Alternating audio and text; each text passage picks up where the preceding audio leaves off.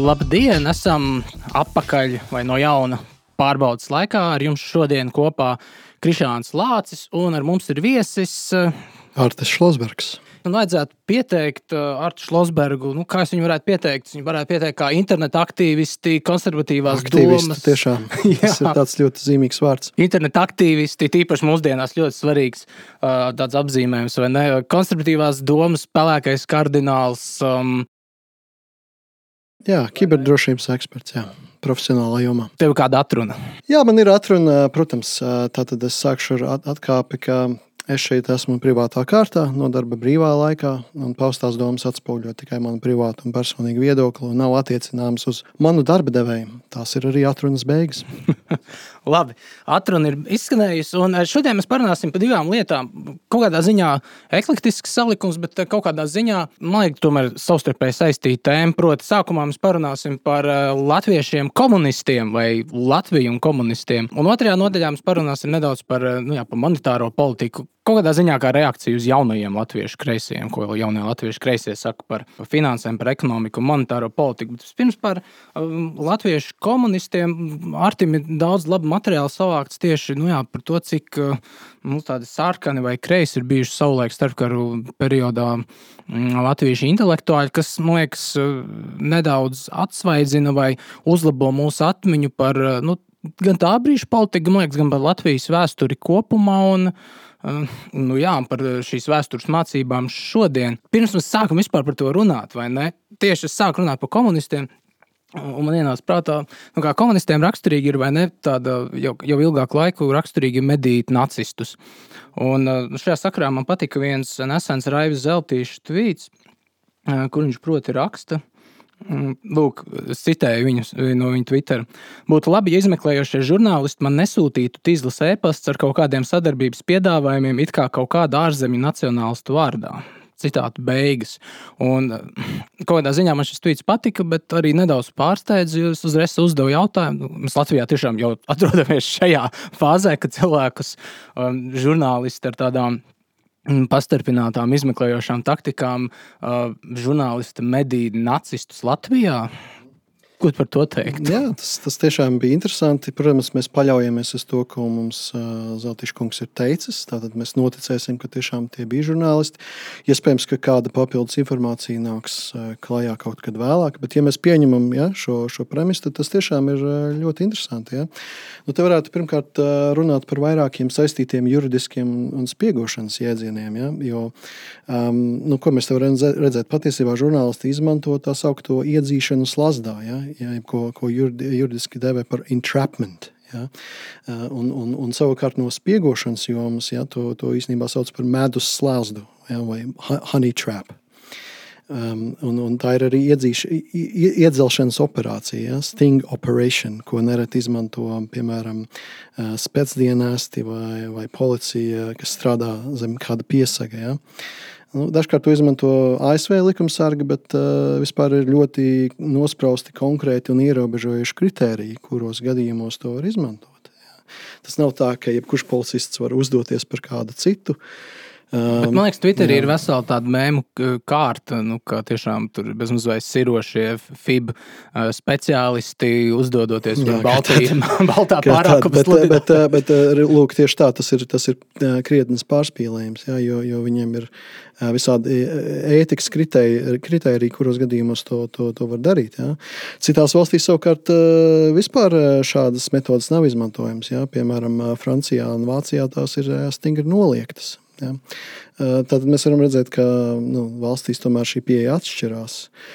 Um, nu, te var arī atsaukties, atsaukties uz, uz doktrīnu, ko sauc par um, augļiem no saindētā koka, ja, vai fruit of the poisonous tree. Cita, citiem vārdiem, ja, ja, ja pierādījumi ir iegūti šādā slidenā veidā, ja, kur, kur tu mēģini iegāzt otru pusi, tad, tad nereti šie pierādījumi tiek pasludināti par neizmantojamiem, nu, vismaz tiesas kontekstā. Bet nu, es katrā gadījumā šaubos, ka mūsu žurnālistiem šādas uh, lietas ir atrunātas uh, žurnālistikas ētikas kodeksā. Ja, tāpēc droši vien viņiem ir ļoti brīva vaļa uh, šādi rīkoties. Bet vai tad izmeklējošā žurnālisti tā nedara? Nu, aizliegties paņēmies, viņi regulāri liekas, kaut kur iefiltrējās un mēģina izprovocēt uz kaut kā. jā, jā, bet uh, droši vien, ka viņi tomēr nemelo par savu personu. Ja? Eh, viņi var ierasties kādā vietā un izpētīt vai uzdot konkrētus jautājumus, ja, bet, eh, ja tu uzvelc parūku, brilles un, un uzdodies par kādu citu, tur ir tā slidenā robeža. Jā, es, es nesaku, ka žurnālistiem šādas metodas viņam nevajadzētu būt pieejamām, bet katrā gadījumā nu, tur tā jābūt uzmanīgiem. Ja. Un eh, šeit man tas drīzāk izskatās pēc tāda kā sensācijas vajadzībām. Ja?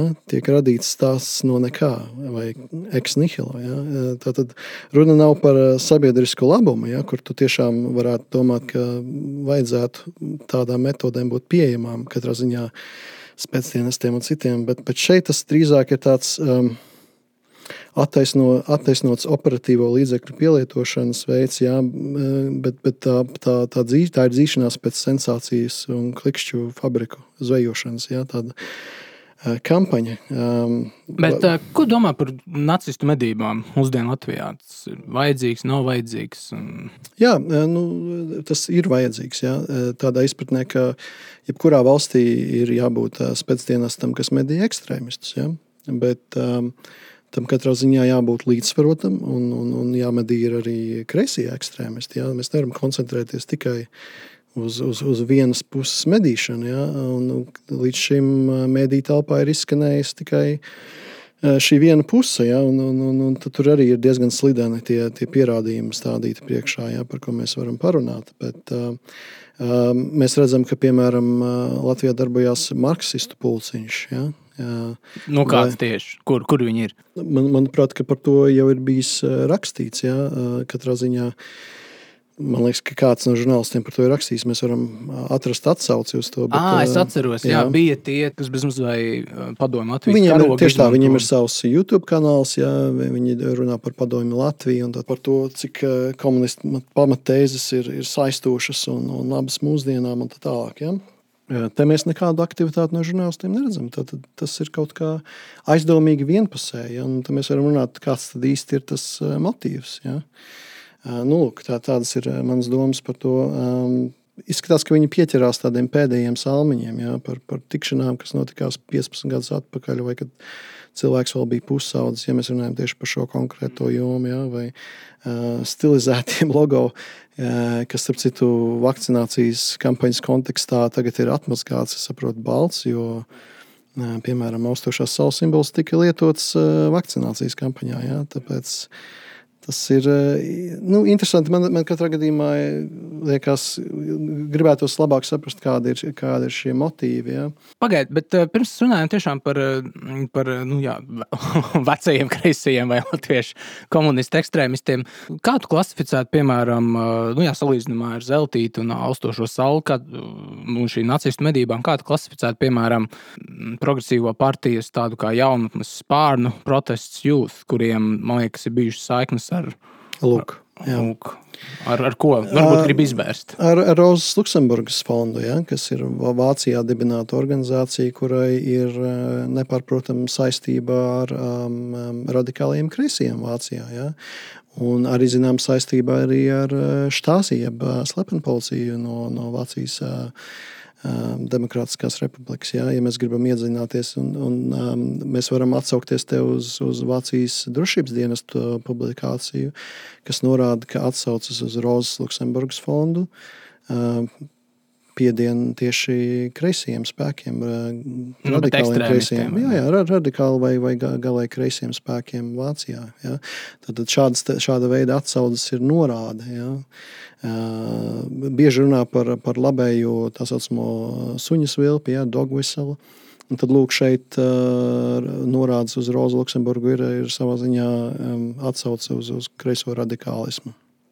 Bet eh, vai viņiem arī gadījumā šiem progresīvo jauniešiem, viņi, piemēram, liekas, attiecībā uz nu jā, nacistu medībām vai fašistu medībām Latvijā, viņi, man liekas, mēdz atsaukties uz, eh, uz vēl vienu fondu, man liekas, par ko arī var pastāstīt. Tas ir, nu, kā viņi sauc, Amadeo Stiftung, kaut kas tāds.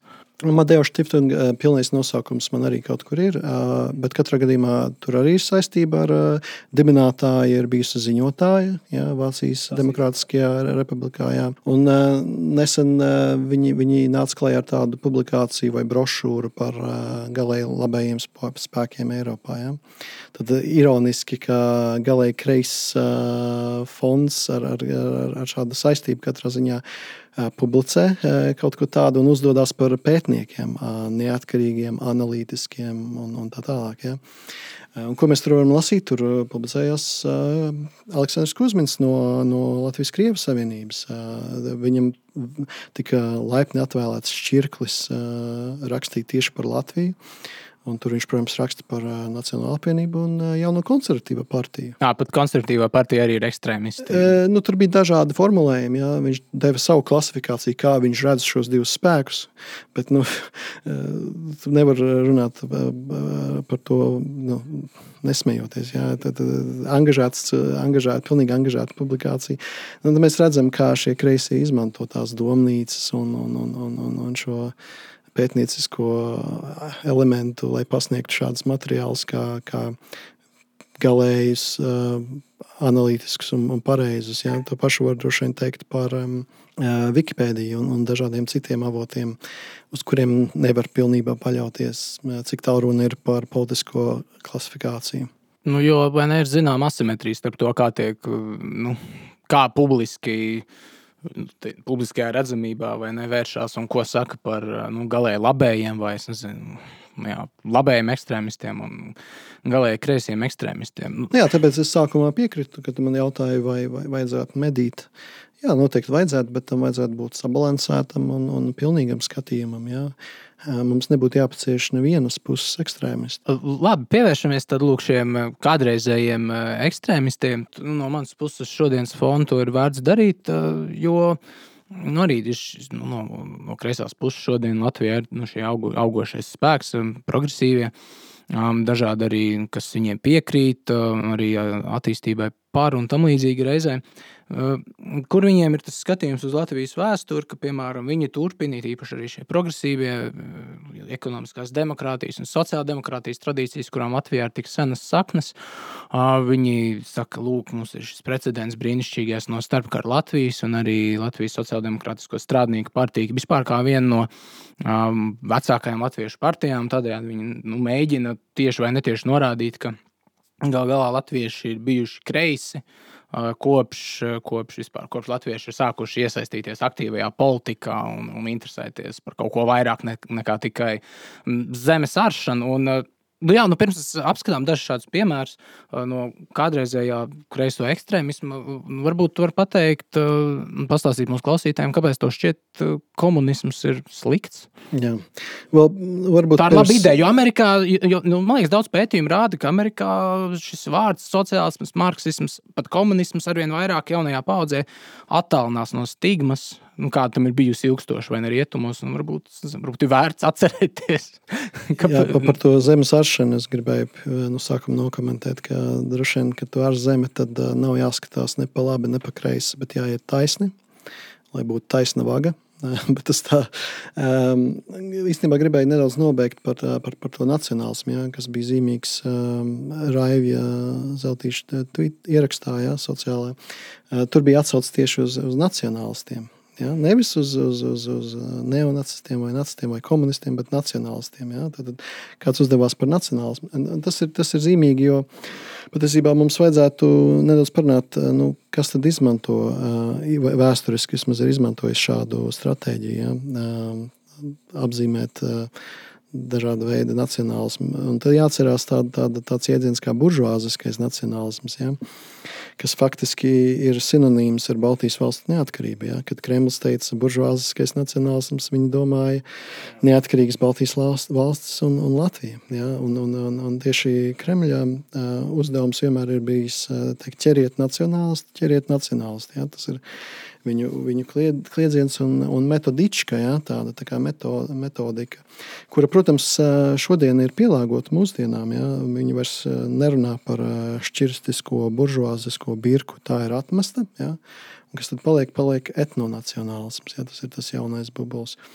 Lūk, to varētu vajadzētu ievērot. Ja, ka, ja kāds medī nevis ekstrēmists, ja, neonacists, bet nacionālists, tad tur jau jābūt uzmanīgiem par kaut kādu slēptu, slēptu motivāciju. Un vērts noteikti ir uzdot mušu no jautājumu, kvi bono, jā, vai kam tas ir izdevīgi. Nu, es zinu, tavā gadījumā to arī īpaši zīmīgi nu, būtu piesaukt, nu, ka Ukraiņas gadījumā nu, Ukrāņu nacionālisti šis vārds, šis vārds savienojums arī nereti tiek lietots uh, rietumos vai ne rietumu žurnālistikā, tādā kā negatīvā nokrāsā. Nu, Ukrāņu nacionālisti tas ir kaut kas, nu, tie nav tie, nu, mēs negribam ar tiem būt kopā, tos nevajag atbalstīt, jo tie ir nacionālisti. Jā, tad jāatcerās, ka Latvi, Lat, Latvijas kontekstā jā, tā ir runa par lielo teroru un NKVD latviešu operāciju. Ja, kur par pamatu nereti tieši bija izsistas atzīšanās nacionālismā. Ja tad uh, vismaz Latvijas kontekstā cilvēkiem vajadzētu uzmanīgi padomāt, uh, ko viņi inkriminē.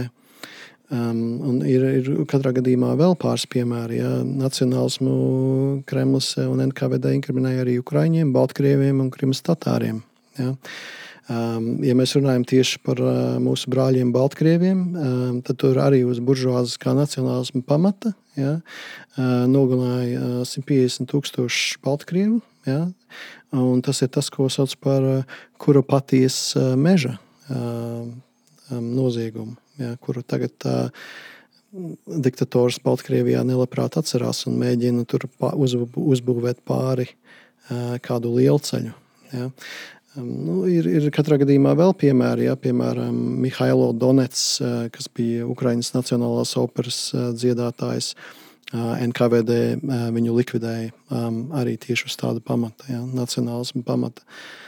Citiem vārdiem, mazu tautu un etniska nacionālisma stigmatizēšana ir NKVD mērķtiecīga operācija, uz kuras pamata vēlāk ir veiktas represijas. To var asociēt, tā pirmā instinktīvā reakcija būs, nu, tas ir vienkārši tāds uh, lielkrievu šovinisms, vēsturiskais vai lielkrievu imperiālisms, kurš nu, nu, tas ir tas, ko viņi dara varbūt pēdējos 200 gadus. Nu, kāds tam vispār sakars ar komunismu, marksismu? Nu, kaut kāds komunisms, marksisms, tas būtu vienkārši kaut kāds ideoloģiskais aizsaks nu, šīm krievu mūžsanējām imperialistiskajām interesēm. Bet, nu, tāpēc nu, būtu labi kaut kā nu, tiešām tagad parunāt jā, par komunismu. Kas, Varam parunāt par jā, komunismu. Par komunismu. Jā. O, nu, Ka, kas tavuprāt komunismā ir ļauns vai slikts? Vai, nu, vai komunisms vispār ir slikts? Komunisms balstās uh, tajos pašos septiņos nāves grēkos. Ja? Uh, tāpēc, manuprāt, nekāds jauns uh, velosipēds nav jāizdomā. Ja? Tas balstās patiesībā iekārē, iekārot savu kaimiņu īpašumu, ja? negausībā, domāt, ka tev pienākās vairāk, mantkārībā, kārē pārdalīt mantu. Ja? slinkumā, ja nevar uzcelt, tad var atņemt. Ja? Dusmās, dusmās pret veiksminiekiem, kulakiem un tā tālāk. Skaudībā, skaudīgā, skaudībā pret savu kaimiņu, par tiem pašiem kulakiem un lepnībā. Ja? Lepnība tā ir pārliecība, ka zinātniskais komunisms ir kā lai atbild un ka tev ir visas uh, lietas pilnīgi skaidrs par to, kā iekārtot uh, sabiedrību. Nu, tā īsumā. Lai šos grēkus apmierinātu, nekas nevar stāties ceļā. Ja? Ceļā paliek tikai līķu kaudzes. Bet nu, pirms simts gadiem daudz latviešu šī gaišā doma bija savaņģojusi. Ne? Un nevis vienkārši apspiestās masas, nu, kuras arī tajā brīdī mēs varam uzdot jautājumu, cik daudz Latvijā tiešām pirms simts gadiem uh, Nu, jā, īstenībā tagad jau pat vairāk, pirms 120 gadiem, nu, cik bija šīs nu, apspiestās masas, kurām varbūt nu, no mūsdienu komunistu skatu punkta varbūt nu, daži šādi grēciņi vai netikumi būtu piedodami lielākas taisnības sasniegšanas vārdā. Bet jā, ne tikai lūk, šīs apspiestās masas, bet arī nu, intelektuāļi vai ne? Latviešu intelektuāļu vidū komunisms tomēr ir bijusi diezgan ietekmīgs virziens, vai ne komunisms, marksisms, sociālisms, sociāldemokrātisms. Nu, es to visu mērķiecīgi un tā varbūt nedaudz ļaunprātīgi sajaucu kopā. Nē, bet... nē, tad, tad, tas ir ļoti pareizi, bet tā bija, ir un būs. Ja, jo, um, kā jau es uh, atcaucos te uz tiem nāves grēkiem, ja, tie jau nekur nepazudīs. Tie, tie līdz nāks ar cilvēku. Ja, vai tad būs kādreiz tāda pasaule, kur mums nebūs skaudība vai, vai, vai vai kaut kas tāds. Tāpēc es, es domāju, ka jā, sevišķi intelektuāļi arī šodien, ja mēs paraugāmies uz, uz rietumu pasauli, jā, cik, cik no, piemēram, progresīvās jaunatnes Eiropas un, un Eiroatlantiskajās universitātēs ticis kaut kam tādam kā sociālisms vai, vai komunisms. Nu, tas ir pussolis līdz komunismam. Ja. Nu, tāpēc Reimonam Āronam nebija tā nu, metāfora, bet es pat neteiktu metāfora. Tas ir ļoti burtisks apraksts, ka sociālisms nu, vai marksisms ir eh, intelektuāļu opijas. Nu, ja komunistiskā skatpunktā reliģija bija tautas opijas. Tad, nu. Tas ir ļoti su, suģistējoši. Ja? Tā, tā ir doktrīna un mācība, kas sniedz atbildes. Un kas tad vairāk ja intelektuāliem ir vajadzīgs kā atbildes? Ja? Jautājums ir vispirms, bet atbilde ir pēc. Viņiem tās atbildes ir nepieciešamas, un marksisms viņiem to sniedz. Man liekas, intelektuāļu gadījumā, it īpaši arī šo septiņu nāves grēku gadījumā, liekas, nāk līdz tā, nu, tā sajūta, ka viņi, ka viņi būs tie galvenie pārdalītāji. Ka viņi būs tie, nu, kuri, nu, jā, filozofi karaļi, vai ne, kuri visas pārdalīšanas, pārorganizēšanas, lielākas taisnības ieviešanas visā procesā, ka viņi būs tie, kas ir galvgalī, kuri, nu, tiešām. Nu, ir daļa, no, no, da, daļa ir tieši tā, tāda, kā tu raksturoji, un daļa ir vienkārši nedaudz trūlāka ar, ar tādu izpratni, ka nu, tad jau man būs vairāk. Un, un viņiem neinteresē, kas sadalīs. Viņiem interesē, kas sadalīs. Un ka viņiem kaut kas pienāksies. Tagad tur droši vien var runāt par dažādu veidu stratifikāciju. Ja, tur, ja runa ir par intelektuāļiem, tad viņi droši vien sevi redz tieši tā, kā filozofs karaļus. Ja mēs runājam par pārējiem, tad tur ir droši vien merkantiliskāks intereses. Varbūt tu gribi tiešām uzskaitīt dažus tādus, nu, vai pastāstīt par dažiem tādiem piemēriem no, nu, jā, no mūsu savulaik grandiem par latviešu kreisuma tradīciju. Varbūt gribas sniegt kādu ieskatu. Jā, droši. Nu, es varbūt sākšu ar atkāpi, ka um, pandēmijas laikā um, biblioteka bija pieejama. Ja, tātad periodika.CLV bija pieejama. Liels paldies Latvijas Nacionālajai Bibliotekai, ka piedāvāja tādu tiešsaistes uh, servisu. Ja, um, tādu pakalpojumu. Tas tiešām ir vērtīgi, un, ja cilvēkiem ir laiks, es arī iesaku tiešām ieskatīties par kādu tēmu, var atrast preses izdevumus. Tur tiešām var paskatīties, kā cilvēki uz lietām skatījās toreiz, un, un saprast pāris lietas arī. Tātad, jā, es izmantoju šo iespēju un paskatījos uz, uz, uz Latvijas kreiso tradīciju kā tā tika atspoguļota presē, un arī par, tieši par komunistu pagrīdi. Ja? Tātad to, kas ir bija zem virsmas un, un, un kā mēs to toreiz šķetinājām. Konkrēti es varētu sākt ar Raini. Ja? Un te, te arī droši vien ir nepieciešama zināma atkāpe. Ja? Tad būtu jānodala izdevies rakstnieks, dzēnieks, vēlāk izglītības ministrs no no kreisā raiņa. Jā, par prezidenta kuru, kandidāts vēl pie tā. Jā, prezidenta kandidāts, par kuru gan var uzdot dažādas pamatotas jautājumus. Jā, tad es, es labprāt nodalītu Raiņa dzēju, ka nenoliedzami, ka viņam tur ir panākumi un viņš ir devis arī savu ārtavu Latvijas literatūrā. Gaits Fausts. Jā, Taču jā, arī ģēnija darbību politikā iespējams izvērtēt, izdarot secinājumus. Tas nemazina daļ, darba vērtību un nozīmi. Un es šeit arī nepretendēju uz nekādu zinātnisku monogrāfiju, bet nebūtu slikti, ja kādreiz tāda taptu, ja, ja kāds nopietni pieķertos. Tad aplūkosim dažādas avīžu izgriezumus, kas runā par atsevišķām interesantām vēstures nogriezieniem attiecībā uz, uz Raini. Tad sāksim piemēram ar trimdu Šveicē. Ja. Šveice vispār toreiz čuma un mūģi no krievu revolucionāriem, jo tā ir vienīgā brīvā valsts kontinentā, kur šādiem revolucionāriem laipni atver durvis. Ja. Šveicē Rainis dzīvo kā Arturo Nagliņš, bet tas pazīst kā Amālija Gerkīra. Ja. Pasas izsniegtas uz šiem sagvārdiem Dokumentus nokārto kāds Kārlis Varkalis. Tas pats Varkalis vēlāk informēja Raini, ka Sociālās aizsardzības organizācija saņēmusi prāvu naudas summu no Veras Figneres komitejas un 5000 frankus nolēmusi izlietot slimo un trūcīgo biedru atbalstīšanai. Ja Rainim šie līdzekļi nepieciešami, lai viņš paziņoja tūlīt, cik ātri vien iespējams. Tas ir viens no avīžu izgriezumiem. Um, kas tad ir šī Vera Fignera? Man ieinteresēja no komitejas. Um, izrādās, ka viņa vadīja proto-bolševiku revolucionāro pagrīdes grupu, kas aicināja uz terorismu politisko mērķu vārdā. un 1907. gadā kļuva par re, sociālistu revolucionārās partijas biedri. Tas viens izgriezums, jā, tālāk, kas uh, tulko Raņa Lūgas. Jā, uh, jo Raņa Lūgas ir tulkots arī krievu valodā, piemēram, Jāzeps un viņa brāļi un Zeltzirks. Izrādās, ka Raņa Lūgas krievu valodā tulko NKVD aģents ar sagvārdu Andrejs. Uh, dažkārt zināms arī kā Jānis Masters, uh, un viņš arī Jānis Straujāns.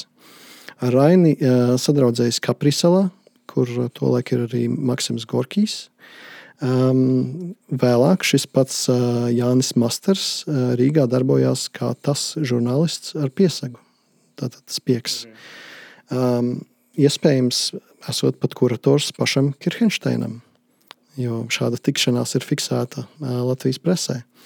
Nemieru laikā tieši viņa vadībā notiek uzbrukums robežu apsardzes komandai un tiek nodedzināta vec, uh, vecsalacas mūža.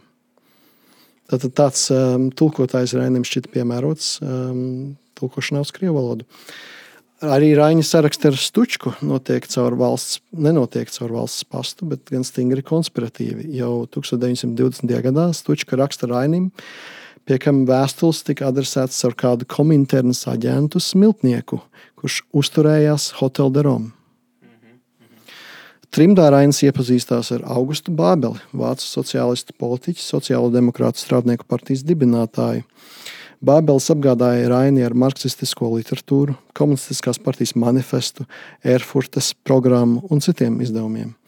Ar tī, arī ar tīri praktisku padomu, kā atgriežoties dzimtenē, pārvest nelegālo literatūru, uztaisot somu ar divkāršu pamatu. Bābels iedod Rainim kādu Cīrihas meistara adresi, kas viņam šādu somu ar divkāršo dibenu uztaisa. Bet varbūt Rainis vienkārši apgrozījās sliktā kompānijā.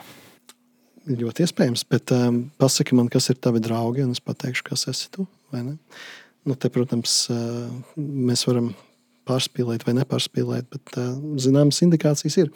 Ejam tālāk par uh, Ferdinandu Grīniņu, ja, kuras segvērts ir zaļais un kas, ir, kas viņš ir?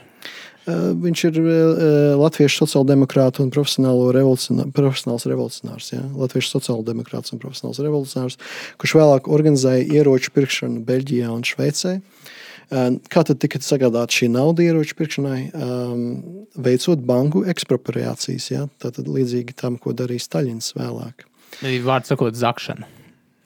Banku apzakšana, jā, jā, banku lai, lai, lai varētu nopirkt ieročus Revolūcijai. revolūcijai jā. Jā. Lūk, ko Rainis raksta par Griniņu. Bet pirms tam es atgādināšu, ka viņš bija viens no bruņo, bruņotās sacelšanās vadītājiem Tukumā. 5. gada decembrī, ja, un 6. gada sākumā jau devās jaunā uzdevumā nopirkt tos pašus ieročus. Tātad, lūk, ko par šo sociāldemokrātu revolucionāru raksta Rainis. Mūs apmeklēja jaunais varonis Ferdinands Griniņš, ļoti maigs un smalks, dziļi izglītots un inteliģents jauneklis, ar atturīgu uzstāšanos, kluss un dvēseles bagātā satura pilns. Reti esmu dzīvē pēcāk saticis tik simpātisku cilvēku, tik zinīgu un jūtīgu. Un šī smalkā dziļā dvēsele bija varoņa un mocekļa dvēsele, priekš lielās idejas. Viņš darīja jaunekli par bezgēlīgu, tērauda cietu kareivi priekš Latvijas un sociālisma. Viņš bija tāds varoņa tips, kādu es biju lūkojies tēlot savās drāmās, smalks, garīgs spēks, kurš uzvar arī reālā rupjā cīņā. Griniņš nepalika ilgi trimdā, viņš alka cīņas, pēc īsas, bet apžilbinošas spožas gaitas. Viņš mira mocekļu nāvē, tik varonīgi, ka laikam, kā laikam neviens cits piektā gada. Daudz, no, no, no 5. gada daudzajiem varoņiem. Es esmu laimīgs, ka tiku dzīvē redzējis to, ko biju sev tēlojis tikai sapņos. Pieņemsim, Rainis, tas tāds čērsgriezums uz Rainu, un tad mēs varam iedomāties, nu, nu, kā ar, teiksim, Raņā arī nu, līdzbiedriem, sociālistiem, līdzbiedriem, intelektuāļiem. Es domāju, arī. Nu, jā, mums ir nedaudz jāpaturpina par, par, par Raini, lai mēs varētu no, nonākt tiem, līdz tiem līdzbiedriem, jo ir vēl kāds svarīgs aspekts. Jā. Tātad jau 1906. gadā ar padomju diplomātiskās pārstāvniecības atbalstu ir noklāpta grupa braucienam uz PSRS. Un kā braucēji ir pieminēti arī Rainis un Bruno Kalniņš, ja, kurš jau bijis Ļeņingradā, atgriezies ar mainītu nostāju. Sācis biežāk iegriezties padomju sūtniecībā. Bruno Kalniņš? Jā. Ah. Nu, bet, Latviešu sociāldemokrātijas seja. Latviešu sociāldemokrātijas seja, bet, bet tā, tad nākamais solis jā, jau 1929. gadā ir kultūrālās tuvināšanās biedrības ar Socialistisko padomju Republiku Savienībām un tautām dibināšanas kopsapulce. Par priekšādātāju kļūst Rainis. Ja? Vēl, tagad, vēl tagad Rainis norganizēja arī, arī pirmo biedrības aktivitāti ar padomju grafiķu izstādi Rīgā. Un šo faktu apspēlēja arī uh, ar karikatūru Latvijas presē. Sakot, ka Ukraiņas sēž pie galda un viņam gan nestāsta par to, kas notiek ar viņa tautiešiem Krievijā. Varbūt tu gribēji īsi paturpināt par Bruno nu, Kalniņu, viņa siseņiem un tiešām kreiso ekstrēmismu starpkaru Latvijā.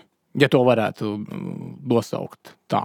Jā, nu, tas jau tā, tā, tas droši vien nav nekāds noslēpums, ka šādas izsaņi bija. Um, un, un turklāt um, šo organizāciju vēlāk aizliedza uz tāda pamata, ka viņa pārkāpa dibināšanas statūtus un organizēja paramilitāru organizāciju ja, ar bolševistisku ievirzi. Un tas lika tālāk spēcdienestiem saspēcēt ausis un tomēr šo organizāciju piegriezt. Nu tā, par Bruno Kalniņu tur, protams, ir, ir garš stāsts un droši vien tas būtu atsevišķs temats. Uh, Bet, bet ir, ir svarīga šī saistība ar, ar, tieši kultūras apmaiņas biedrībām. Ja? Tātad visa šī intelektuālā aprite notiek tieši tur, vai pamatā tur. Mēs varam runāt par, par atsevišķiem burbuļiem, ja? tādiem kā um, dažādas izdevniecības. Ir svarīgi pieminēt tādu cilvēku kā Pauls Betlers, kurš 1920. gadā ierodās Rīgā ar svešu vārdu, lai veiktu Latvijas komunistiskās partijas uzdevumus. Ja? Un centrālā komiteja uzdev, uzdevumā, centrālas komitejas uzdevumā viņš dibina apgādu Daile un darbs, piesaistot Raini, Razumu, Čauli. Um, Rainis Razums un Betlers iegulda 10 tūkstošus, Caune, uh, Caule 5 tūkstošus rubļu. Uh, pasākumos ieguldītie līdzekļi pieder partijai. Ja? Um, avots ir grāmatas un grāmatnieki 96. lapa. Apgāds izplata marksistisko literatūru, ko latviešu valodā izdod padomi Krievijā. Izdevniecības nosaukumu Daila un darbs izdomā pats Rainis. Kad to dibina ar Pēters Štučkas ziņu un atbalstu Rainis zināja, bet viņš nesot zinājis, ka Betlers uztur tieši sakarus ar um, um, konspiratīvo komunistu partiju. Nu, tā ziņo avoti. Um, jā, Rudolfs Salna 1937. gadā raksturojot Betleru norāda, ka viņš pārvaldot Latvijas komunistiskās partijas piedarošo namu Zvaigžņu ielā un nav ar tīrām rokām un ir saistīts ar sarkanās armijas štāba ceturto izlūkošanas pārvaldi. Nu, Šito klausoties, rodas iespēja, ka tev daudz vai ne to piemēru, es visus nevaru apskatīt, bet nu, rodas tas iespējas, ka nu, ka komunistiskā pagrīde starpkara Latvijā ir bijusi diezgan aktīva. Nu, tāda raiba, protams, iekšlietu dienas viņus mēģina visādi kaut kā piegriezt un apkarot, bet nu, tas kaut kā tomēr, nu, kā cīnoties ar kurmiem video spēlē, vienu galvu nosit un, un tad izlien vēl divas, trīs tās kurmju galvas. Un, nu, Ko, ko tas nozīmē šod, šodienas Latvijai? Tavuprāt, ko tas nozīmē vispār domājot par Latvijas vēsturi? Tieši šis um, latviešu intelektuāļu kreisums. Varbūt tev ir kāda doma par to? Jā, nu, pirmkārt, par ietekmi tajā laikā. Jā. Šī ietekmes palielināšanas instruments caur šo kultūras apmaiņu nostrādāja spīdoši. Jo kultūra, kultūras tuvināšanās biedri veidoja vairāk nekā trešo daļu ministru sastāva, nevien Latvijas, bet visā, visās trijās Baltijas marionešu valdībās. Jā. 40. gadā. Jā, vienu trešo daļu. Jā. Vokskadri ieņēma kā premjera tā ārlietu ministra posteņus. Jā, nu tas nozīmē, ka faktiski jā, šī komunistiskā pagrīde, kur savu lomu spēlējuši arī nu, atsevišķi latviešu intelektuāļi, nu, nu, vienā brīdī no pagrīdes viņi, mainoties apstākļiem, kļuva par eliti.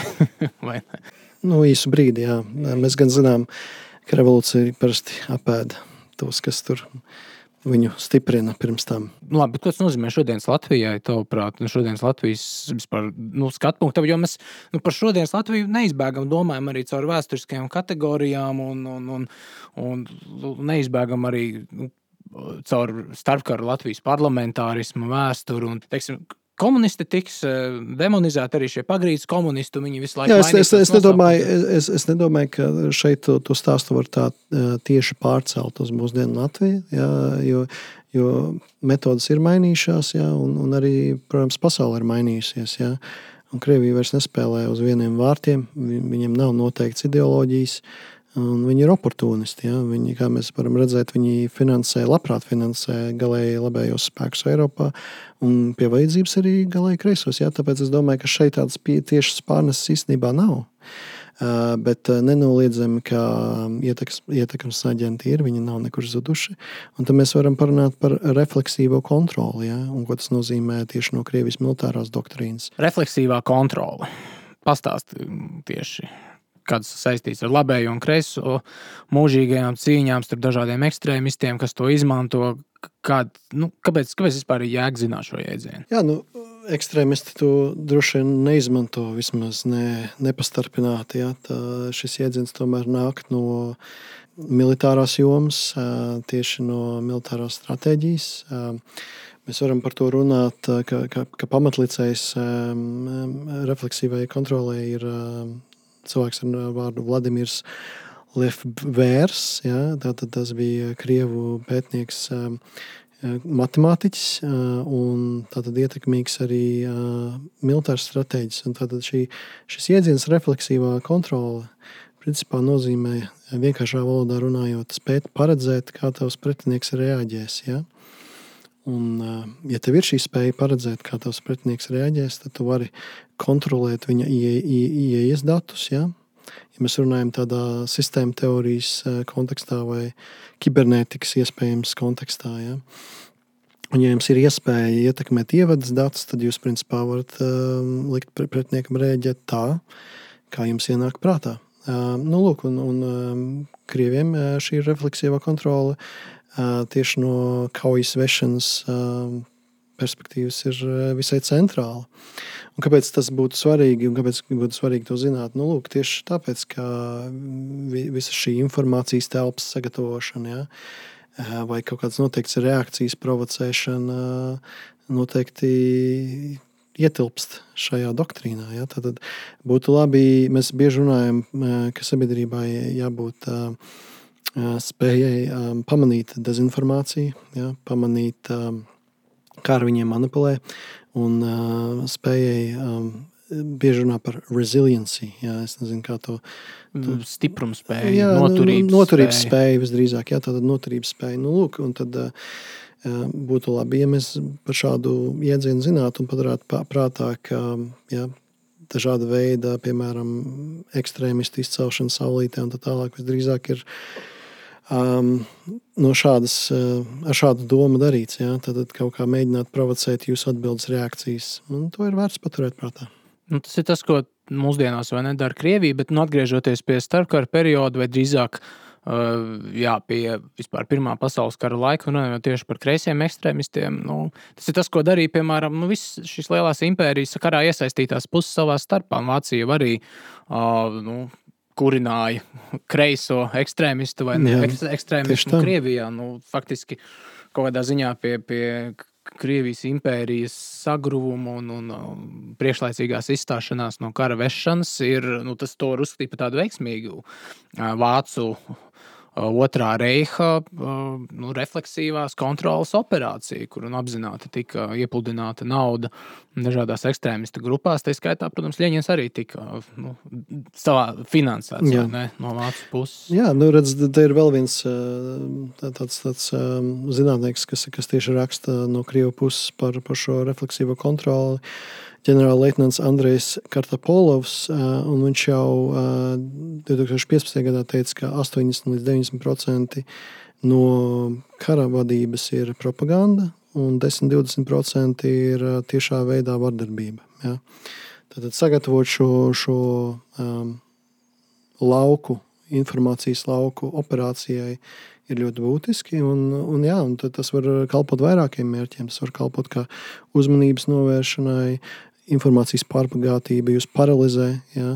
Tas arī jūs novada um, kaut kādos neceļos, jā, un, un viss tas ir, protams, darīts ar nolūku. Pastāst par Leņķina vizīti Rīgā, varbūt, jo tas arī tāds uh, ilustrējošs um, notikums uh, par to, cik savā ziņā dziļi bija savijušies latviešu kreisie ar, ar, ar, ar ārpus Latvijas. Jā, Leņņņins Rīgā bija tikai vienu dienu, bet um, viņš izdarīja ļoti daudz tajā vienā dienā. Tad, tad Leņņņins Rīgā ieradās 1900. gada aprīlī, lai tiktos ar latviešu sociāldemokrātiem. Viņš paliek Cēsu ielā 17 pie Mihailas Silvina. Un visi sanāk kopā konspiratīvajā dzīvoklī Elizabetes 16, kur agrāk mitinājās Pēters Štučka. Visi sanāk un Ļeņins norāda nepieciešamību dziļi studēt marksismu. Braucienu uz Rīgu viņš arī izmanto, lai norganizētu izkras aģentu tīklu Rīgā un nelegālo preses pārsūtīšanu no ārzemēm caur Rīgu uz Krieviju. Sarunās Ļeņins noskaidro, ka Latvijas sociāldemokrāti varētu būt noderīgi izkras uh, transporta darbā. Un tā arī notiek. Viņi principā ievada pudiem literatūras. Ir smieklīgi, ka toreiz literatūra mērīja pudos. Tātad, cik, cik jums ir izdevies šo kreiso suģistējušo literatūru pārvest. Lūk, savstarpēju sakaru nostiprināšanos ar latviešu sociāldemokrātiem un ciešāku saišu veidošanu Krievijas bolševiku partijā veicināja arī Krievijas Pēterburgas organizācijas latviešu grupas darbība, kas nodibinājās 5. gadā. Un pēc atgriešanās no ārzemēm Ļeņins vairāk kārt tikās ar šīs grupas vado, vadošajiem biedriem. Dreimani un, un citiem sociāldemokrātiem. Šī tikšanās dziļi ietekmēja latviešu sociāldemokrātus un palīdzēja tiem kļūt par vairāk vai mazāk pārliecinātiem bolševikiem.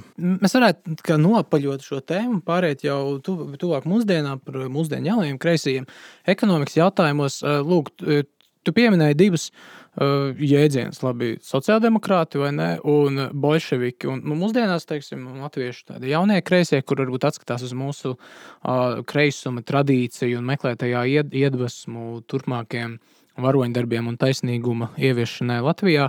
Viņi teiktu, nu, labi, bet, bet mēs nerunājam par bolševikiem. Mēs neesam bolševiki, un vispār bolševiki tie pat nav īstie sociālisti un marksisti. Nu, mēs, tur, mēs esam vairāk sociāldemokrāti. Bet nu, arī no tiem fragmentiem, no, no tā, ko tu stāsti, gan arī, kad tiešām pastudēju to, to gadu vēsturi, man liekas, ka sociāldemokrātija un bolševisms starpkara periodā uh, vēl nav nošķirams, vai ne, tā robeža starp menševikiem, jeb sociāldemokrātiem un bolševikiem arī Latvijas gadījumā, bet ne tikai Latvijas gadījumā, Vācijas, Krievijas, Mm, Eiropas gadījumā tas eh, vēl tā ir, tā ir kvantitatīva, nevis kvalitatīva. Nu, tieši tā, nu, to, to, to ir ļoti grūti no, nošķirt. Tā ir tāda plūstoša līnija. Ja, viņi arī ļoti raiti pāriet uh, daudz no sociāldemokrātiem pie bolševikiem un kļūst par revolucionāriem. To jau mēs arī varam redzēt uh, tajās personībās, ko es pieminēju pirmīt. Ja.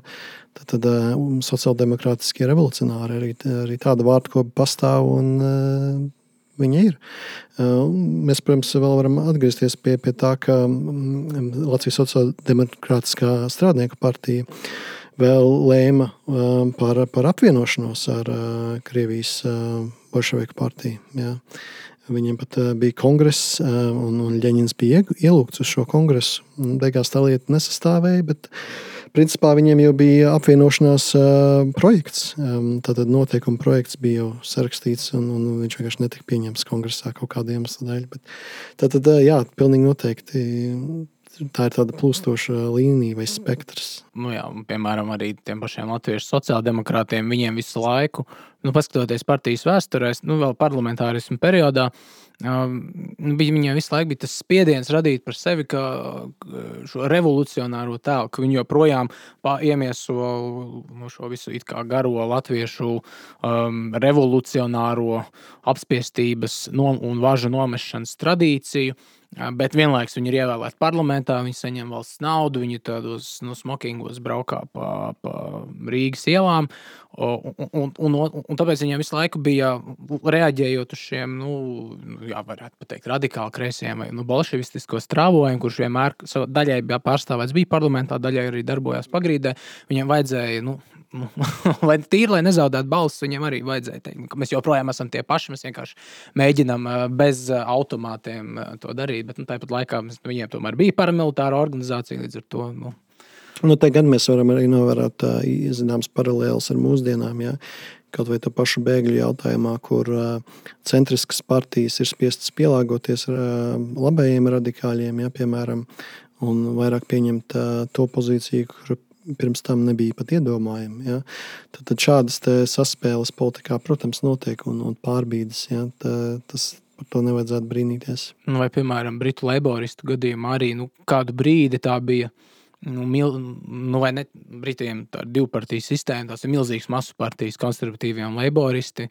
Un, labi, laboristiem arī tās saknes ir varbūt eh, lielākā radikālismā, bet nu, kādu brīdi eh, viņus varēja raksturot kā nu, centriski kreisu tādu masu partiju, tīpaši Tonija Blēra vadībā, bet nu, tikai, es domāju, arī savā ziņā vēl pirms Blēra, bet eh, pateicoties šim Jeremija Korbina spārnam, uh, kas bija mazākums partijā, bet kuri tā apzināti iefiltrē, nu, mēs sakām, iefiltrējās, bet apzināti iestājās, ieņēma konkrētas pozīcijas partijā. Viņi faktiski sagrāva partiju, nu, negribētu teikt no ārpuses, bet mazākums pārņēma šo centrisko partiju un nu, kādu brīdi. Nu, es nezinu, cik gadus nu, arī nu, noteica to, šo toni.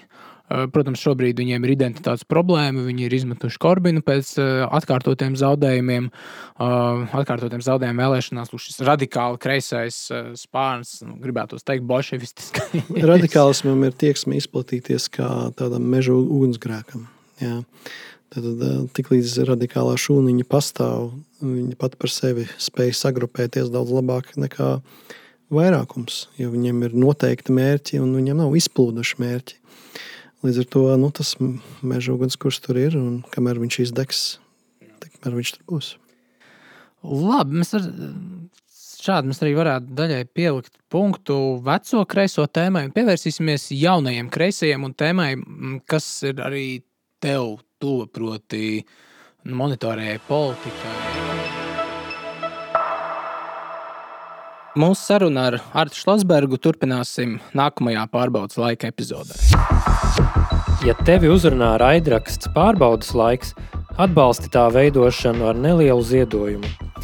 Mēs esam neatkarīga biedrība, mums nav liela sponsora, bet mūsu mērķi ir lieli. Ziedojot, tu atbalstīsi mūsu brīvību veidot kvalitatīvus ierakstus par Latvijai svarīgām tēmām. Ziedojumu kontu atradīsi aprakstā. Paldies par tavu ziedojumu!